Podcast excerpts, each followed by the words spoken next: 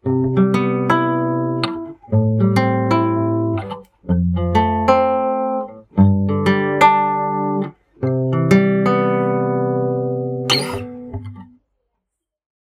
guys, balik lagi di Artmax Podcast bersama gue Revi. Dan gue Jeremy, kali ini kita mau ngebahas tentang pentingnya proses untuk mencapai sebuah keberhasilan. Terus kita juga mau ngebahas apa aja sih hal yang membuat kita tetap semangat dan percaya diri untuk memulai sesuatu. Bener, udah bisa ketebak banget ya Jer, tema kita hari ini terkait sama value of process. Bener, by the way dari yang gue denger-denger nih, kakak yang mau kita ajak ngobrol ini sekarang julukannya Dokter Katva ya? Iya bener, sebagai seorang dokter Canva, kakak ini sering membagikan pengetahuannya seputar Canva di channel YouTube dan Instagramnya nih Jer. Keren juga ya kontri kita kali ini. Oke, gini aja deh, daripada lama-lama, daripada penasaran, mending kita langsung panggil aja kakaknya. Ayo, Kasya Mas. Halo kak. Halo semuanya. Boleh kak diperkenalkan diri dulu nih ke semua pendengar podcast Artmax. Semuanya, pendengar teman-teman semuanya di mana pun kalian berada. Kenalin, aku Syamas atau di Instagram di @syamasfitria dan juga bisa dipanggil Dokter Canva karena sering sharing tips dan trik seputar Canva, desain sampai menghasilkan dari Canva. Seperti itu sih. Nah, Kak, penasaran dengan nama Dokter Canva itu awal bisa terciptanya itu gimana sih, Kak? Mungkin bisa di-sharing, Kak? Oh iya, ini cerita menarik juga nih. Jadi awalnya dokter Canva itu kan desainer teman-teman. Jadi D sama R ya, desainer Canva. Cuman pada masa itu ya, pada waktu itu saya ngembangin Canva belum viral banget kayak sekarang. Orang juga mungkin masih mandang sebelah mata. Sehingga dari keinsecurean saya, saya coba singkat lah desainer jadi DR aja. DR Canva. Terlepas orang pikir itu dokter atau dokter itu ya terserah orang-orang gitu ya. Tapi ketika orang nanti tanya itu aku bilangnya desainer itu dulu gitu kan. Aku berawal mula dari situ. Seiring berjalannya waktu itu malah jadi personal branding aku. Orang-orang uh, jadi mengenal aku sebagai dokter Canva. Karena memang ya tadi aku tidak menutup pungkiri ya namaku agak susah dilafalkan juga mungkin tidak familiar di telinga orang lain kan. Namanya Syamas terus nama username-nya Syamas Fitria gabungan dari Syamas saya dan Fitria istri saya itu kan cukup jadi aneh gitu kan nih laki-laki atau perempuan tapi dengan kata-kata tambahan atau dukungan dokter Canva itu jadi akan memudahkan personal branding kita. Oke, gimana nih kak kabarnya? Baik-baik, sehat-sehat. Oke, ngomong-ngomong, Kak Syamas nih selain aktif di Instagram dan di YouTube lagi sibuk apa nih kak? Selain Instagram, YouTube, dan TikTok ya, saya ada di TikTok juga uh, sibuknya lebih ke karena saya creator dari Canva ya, creator official, jadi sibuk buat bikin template, terutama di event-event misalkan sebentar lagi mau Ramadan, disiapin Ramadan gitu kan, dan nanti hmm. event-event hmm. lainnya gitu. Oke, jadi sibuknya baru-baru bikin template gitu ya kak. Hmm, mungkin bisa diceritain dikit kak, uh, bagaimana awal Kak Syamas ini bisa tertarik dan memutuskan untuk berkecimpung di dunia Canva dan menjadi seorang dokter Canva ini?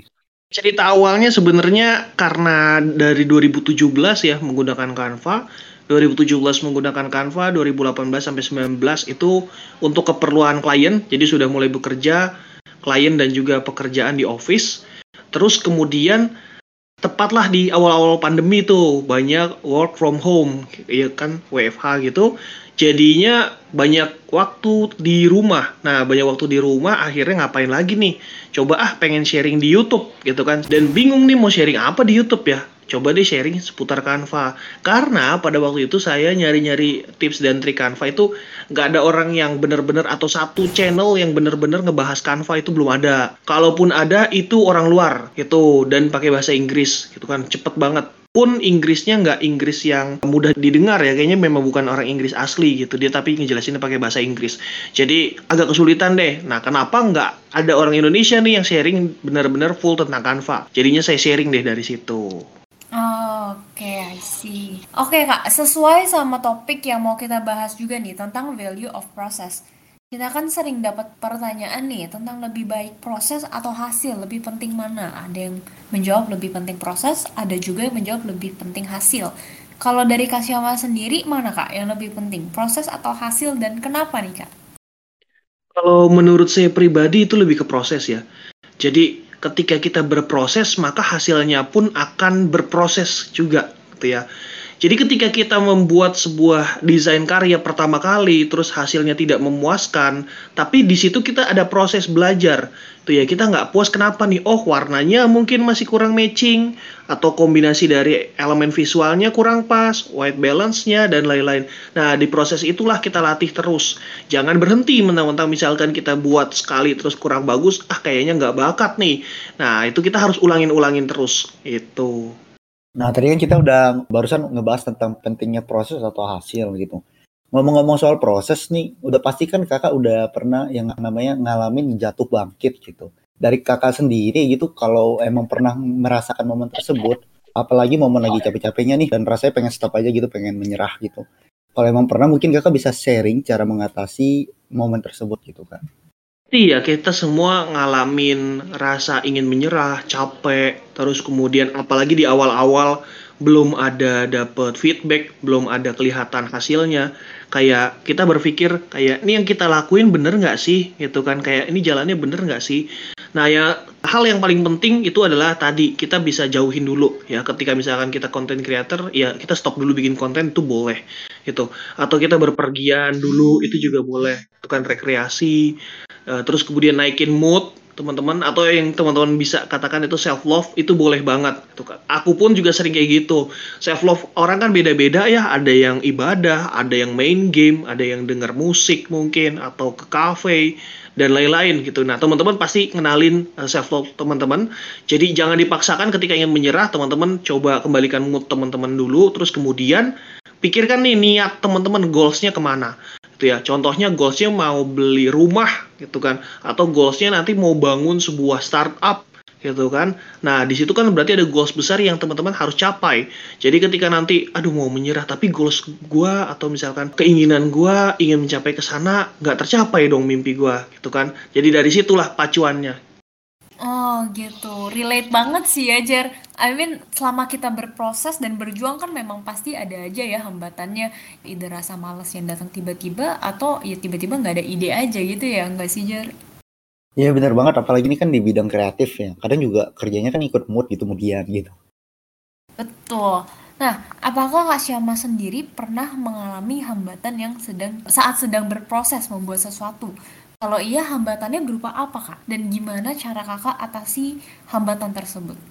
Nah, setiap aku sharing pasti aku bilang hambatan itu ada dua, teman-teman.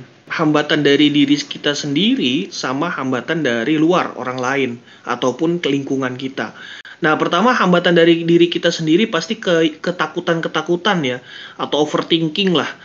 Ketika tadi kita mau memulai ini bener nggak sih? Ini bisa menghasilkan nggak sih? Terus kemudian ketika kita sudah berjalan terus kita sudah mulai capek penat akhirnya ini kita lanjutin atau enggak? Ini kita stopin aja atau enggak?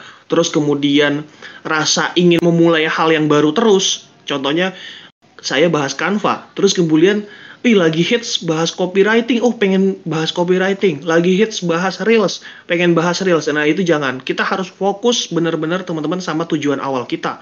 Itu ya. Jangan ngelihat tetangganya e, ngapain kita ikutan, nanti tetangga ngapain itu kita ikutan. Nah, itu sering banget. Itu jadi satu hambatan dan kita tetap harus fokus sama tujuan akhir.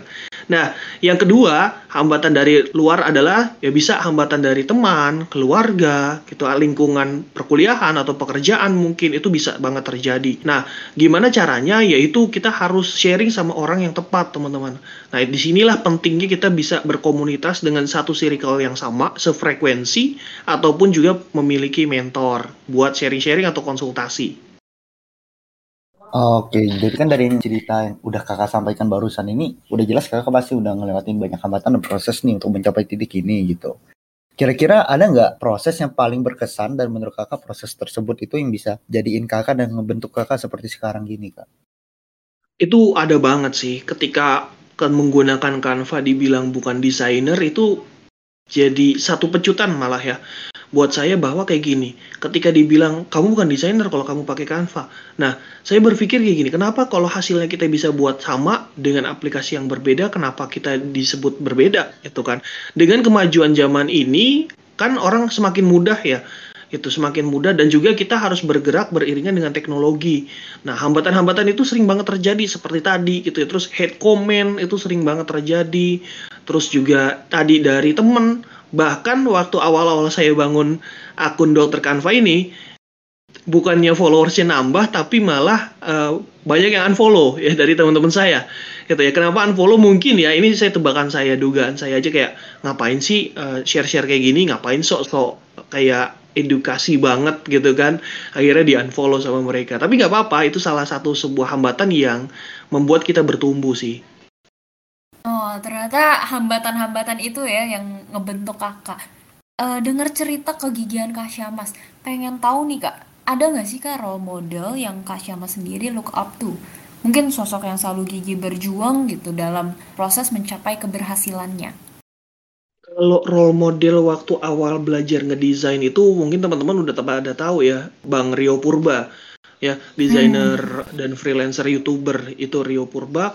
Karena apa? Karena ketika aku mau belajar, aku kan bukan backgroundnya bukan di ini ya, desain. Aku backgroundnya di public relation sama markom. Nah, aku mau belajar desain. Kan kalau anak sekarang mau belajar sesuatu buka YouTube ya. Buka YouTube, ketik apa pun keyword yang menjurus ke desain, misalkan elemen visual, prinsip dasar desain, pemilihan warna, pemilihan font, itu munculnya videonya Bang Rio. Ya. Akhirnya aku tontonin, tadinya cuma aku tontonin satu-satu gitu kan. Terus akhirnya kok munculnya Bang Rio terus nih, aku tontonin semua aja gitu kan, tontonin semua belajar. Terus kemudian di Instagram juga ada Mas Hensa Adriano itu juga. Mereka-mereka itu aku anggap mentor gitu ya. Mentor hmm. yang aku nggak bisa ajak konsultasi lah ibarat kata. Jadi yang aku hanya serap ilmunya. Satu mentor yang hanya satu jalur komunikasinya. Tapi teman-teman juga harus memiliki role model mentor yang dua uh, jalur komunikasi ya, interaktif. Jadi ketika kita ada kesulitan, kita konsultasi sama mereka di situ itu mentor saya bang Trust Jack ya bang hmm. At Trust Jack itu dia uh, namanya. Nah itu dia juga baik juga. Aku pun banyak sharing seputar apa pun gitu ya. Nah itu enaknya mentor. Jadi teman-teman nggak cuman seputar desain atau seputar konten kreator tapi seputar kehidupan. Kayak aku mau lanjut S2 atau enggak pun sharing dulu sama beliau apa aja yang harus dipersiapkan gitu. Oh gitu.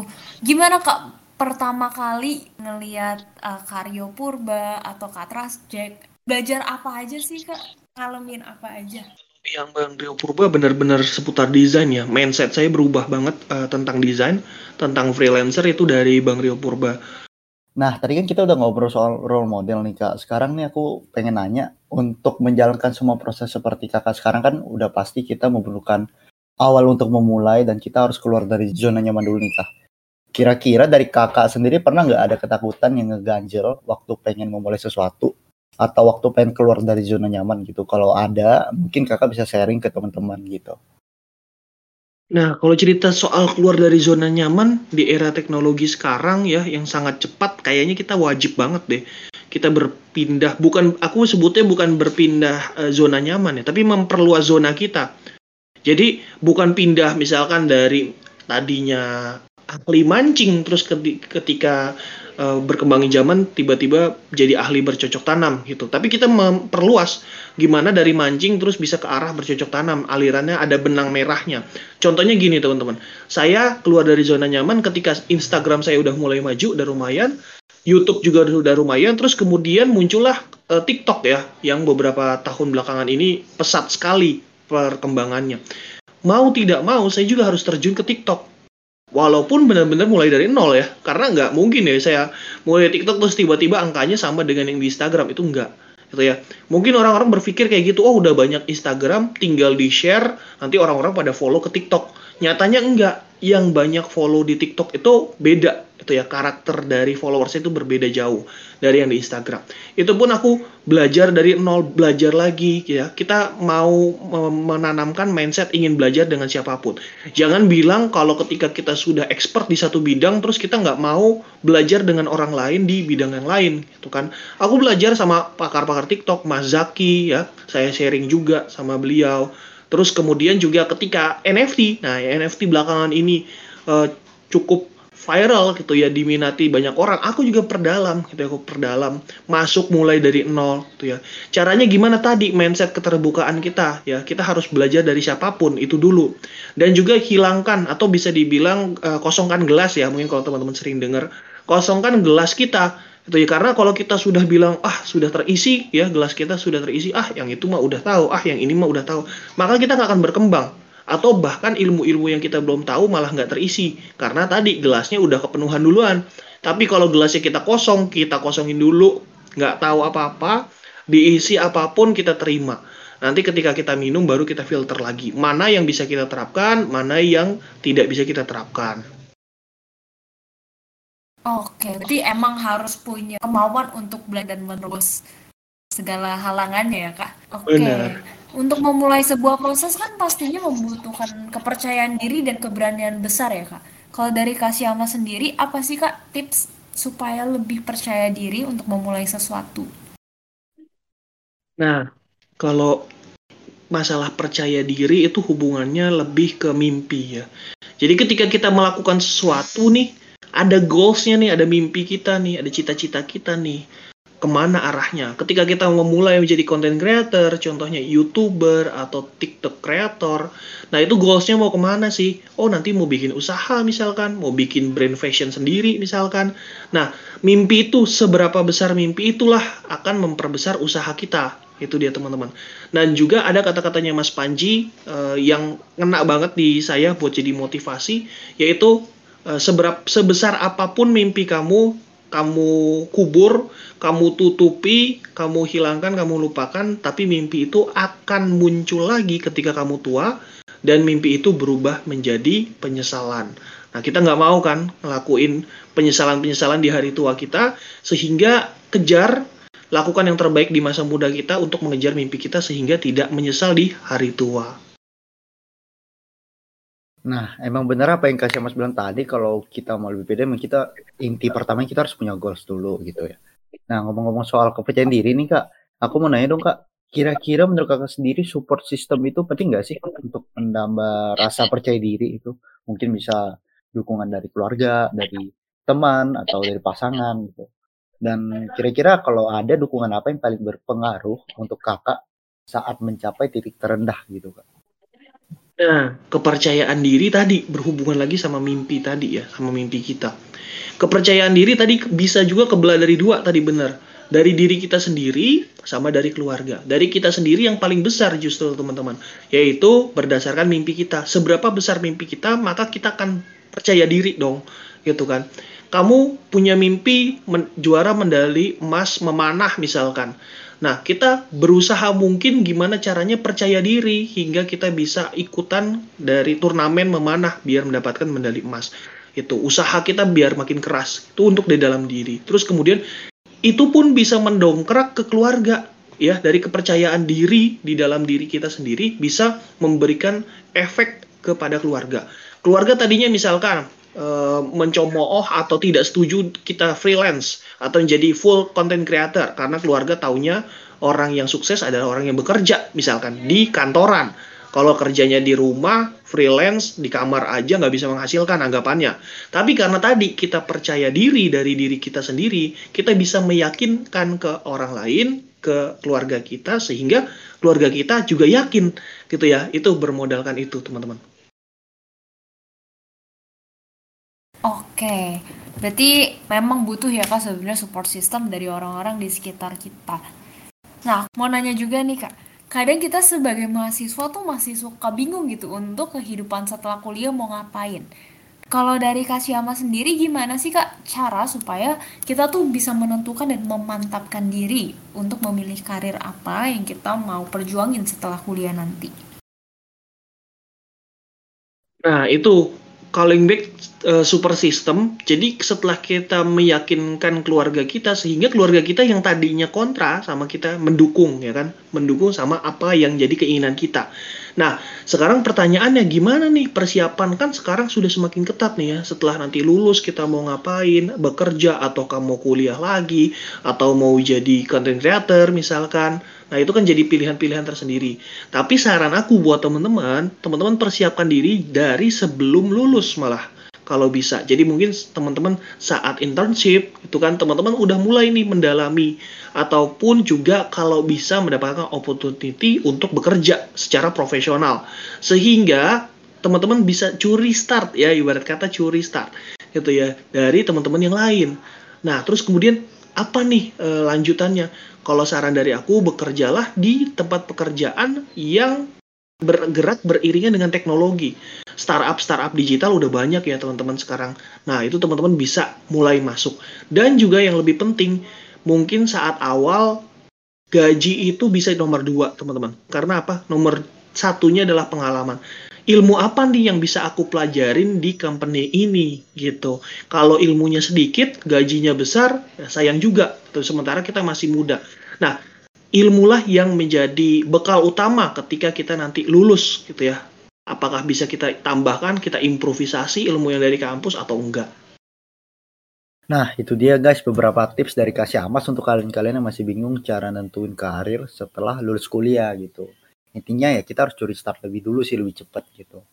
By the way ini kak nggak berasa ternyata kita udah di pertanyaan terakhir. Uh, mungkin untuk pertanyaan terakhir ada kesan pesan atau harapan nggak untuk para calon desainer untuk ke depannya gitu? Oke, okay, buat para desainer, buat teman-teman, saya berpesan bahwa keterbukaan mindset di era teknologi itu sangat dipentingkan ya teman-teman.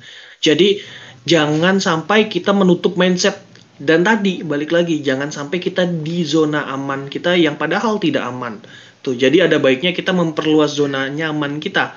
Terus kemudian juga kita bisa menguasai berbagai macam skill. Karena Contohnya di dunia NFT deh. Di dunia NFT bukan diunggulkan siapa yang paling bagus desainnya, siapa yang paling bagus ilustrasinya, tapi siapa yang bisa memanage komunitas uh, community-nya dengan sangat bagus. Dan juga siapa yang bisa mengiklankan atau memperkenalkan karya dia ke depan banyak orang. Artinya kan berarti skill community-nya, skill public speaking-nya itu juga dilatih, teman-teman. Jadi perbanyak skill teman-teman tidak hanya di lingkup desain. Itu aja sih. Oke, aku pengen tahu juga deh Kak. Mungkin dari tadi Kakak ada banyak bahas tentang NFT juga ya Kak. Ada nggak sih Kak ilmu-ilmu yang Kakak bisa bagiin nih ke kita tentang NFT? Oke, ini menarik banget sih karena memang masih baru banget dan uh, pesan dari teman-teman, carilah informasi NFT kepada orang-orang yang memang sudah terjun ke dunia NFT. Karena pengalaman aku ketika belajar NFT, lihat YouTube, lihat artikel, banyaknya mereka sendiri itu belum uh, nyemplung ibarat kata atau belum masuk ke dalam dunia NFT. Jadi tanyalah pada artis-artis ataupun kolektor NFT yang memang sudah masuk ke dalam dunia NFT. Terus kemudian ketika teman-teman mau masuk ke dalam dunia NFT itu adalah perbanyak riset teman-teman. Karena yang sukses atau yang berhasil di dunia NFT itu bukan orang yang paling kaya teman-teman, tapi orang yang paling banyak riset. Kenapa mas? Kan NFT itu mahal-mahal Berarti orang kaya bisa beli dong. Oke, orang kaya bisa membeli karya yang mahal-mahal, tapi setelah itu karyanya turun atau mungkin bisa ditipu dengan scam. Tapi kalau orang yang banyak riset, dia bisa memaksimalkan dengan modal sekecil-kecilnya, lalu bisa untung sebesar-besarnya. Seperti itu sih. Menarik banget nih. Aku belajar banyak banget dari kakak. Aku tertarik banget sama statement zona nyaman itu nggak aman. Itu bener banget ya. Karena justru kalau kita terlalu lama stay di zona nyaman, tutup pikiran kita, buka sama perkembangan zaman yang ada, justru kita malah akan jalan banget ya kak apalagi apa perkembangan terus berjalan ya tiba-tiba ada NFT ini kan juga baru banget ya kak Aku mau nambahin sedikit tentang itu. Uh, ada di YouTube-nya Raditya Dika juga pernah bilang tadi masalah zona nyaman itu, terus kemudian bilang uh, kita tahu ya Raditya Dika kan terkenal dari buku, terus kemudian di Twitternya kan. Nah dia bilang temen-temennya dulu yang zaman zamannya hype-hype-nya Twitter, seleb-seleb tweet lah ibarat kata, itu dia nge-tweet itu bisa sampai puluhan juta sekali tweet buat endorse produk. Terus ketika sekarang udah ada media sosial Instagram, ada TikTok, tapi mereka tetap hanya ingin di Twitter saja, udah nggak kelihatan sama Raditya Dika. Dia bilang, udah nggak kelihatan lagi namanya, gitu. Karena tadi dia terlalu nyaman di Twitter saja, nggak expand ke Instagram, nggak expand ke TikTok gitu. Emang mental yang mau terus belajar itu penting banget ya kak sebenarnya untuk bisa bertahan di zaman percepatan ini ya. Benar, benar setuju banget sih. Jadi uh, sebisa mungkin teman-teman tadi keterbukaan. Jangan mudah terkontaminasi ya dari katanya-katanya kalau teman-teman nggak bisa uh, ngerasain sendiri eh katanya kolam itu rendah, katanya kolam itu kotor, katanya kolam itu ada buayanya, tapi kita nggak nyemplung atau bahkan nggak masukin kaki saja sejengkal ke dalam kolam itu. Jadi minimal kita nggak usah jadi expert, tapi kita minimal bisa atau tahu itu aja sih. Ya, dan untuk perbincangan hari ini juga lumayan menarik karena banyak banget ilmu yang bisa kita ambil nih dari ngobrol-ngobrol bareng Kasih Amas dan aku rasa isinya daging semua sih ini. Iya, betul banget. Banyak banget yang bisa kita pelajarin ya dari uh, gimana kita berproses sebagai mahasiswa, apa aja yang perlu kita persiapin ya sebagai desainer juga.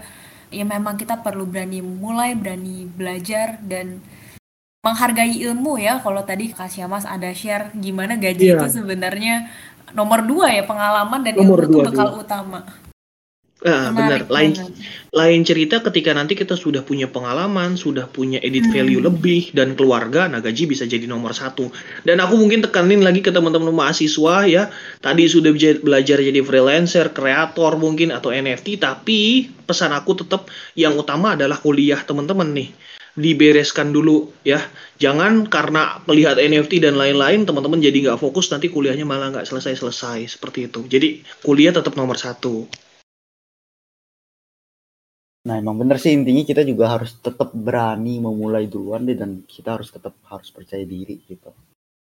Oke, segitu dulu kali ya podcast hari ini. Iya, mungkin segitu dulu sih untuk podcast kali ini.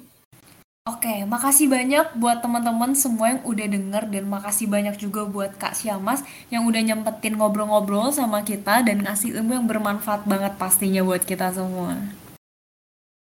Iya, makasih juga buat teman-teman yang udah ngundang dan udah denger. Kalau teman-teman yang udah denger, boleh dong share ke Instagram Story terus kasih tahu insight-insight kalian nih dengerin podcast ini apa. Nah, jangan lupa ntar guys di share ya. Dan ngomong-ngomong, jangan lupa juga buat kalian semua para pendengar podcast ini, jangan lupa di like, di komen, di share, dan di subscribe YouTube Artmax Magazine. Terus dinyalain juga loncengnya biar kalian bisa tahu updatean selanjutnya dari Artmax. Dan kalian juga harus follow Spotify Artmax yang isinya podcast-podcast bermanfaat kayak sekarang ini. Karena nggak bakal ada ruginya juga ya jadi pendengar Artmax Podcast. Oh ya dan jangan lupa juga buat follow Instagramnya Kak Siamas nih kalau kalian misalnya mau tanya-tanya lebih lanjut atau mau lihat tips-tips Canva dari Kak Siamas gitu. Dan mungkin dari Kak Siamasnya bisa disebutin username IG atau akun YouTube dan akun TikToknya gitu silakan. Oke, username yang di Instagram sama di TikTok sama ya teman-teman, Syamas Fitria double M digabung semua. Terus kemudian yang di YouTube itu Syamas Pinastika atau ketik aja Syamas Canva biasanya muncul videoku paling atas. Oke, buat teman-teman yang mungkin masih mau cari tahu lebih banyak lagi terkait Kasyamas, bisa langsung dicek aja. Atau mungkin nanti pas share mau ngetek Kasyamas boleh banget ya. Ya benar, dan kali ini sampai sini aja. Gue Jeremy. Dan gue Revi memohon maaf apabila ada salah kata yang disengaja maupun tidak disengaja. Stay safe, stay healthy. See you guys on the next podcast. Bye-bye. Bye guys. Bye.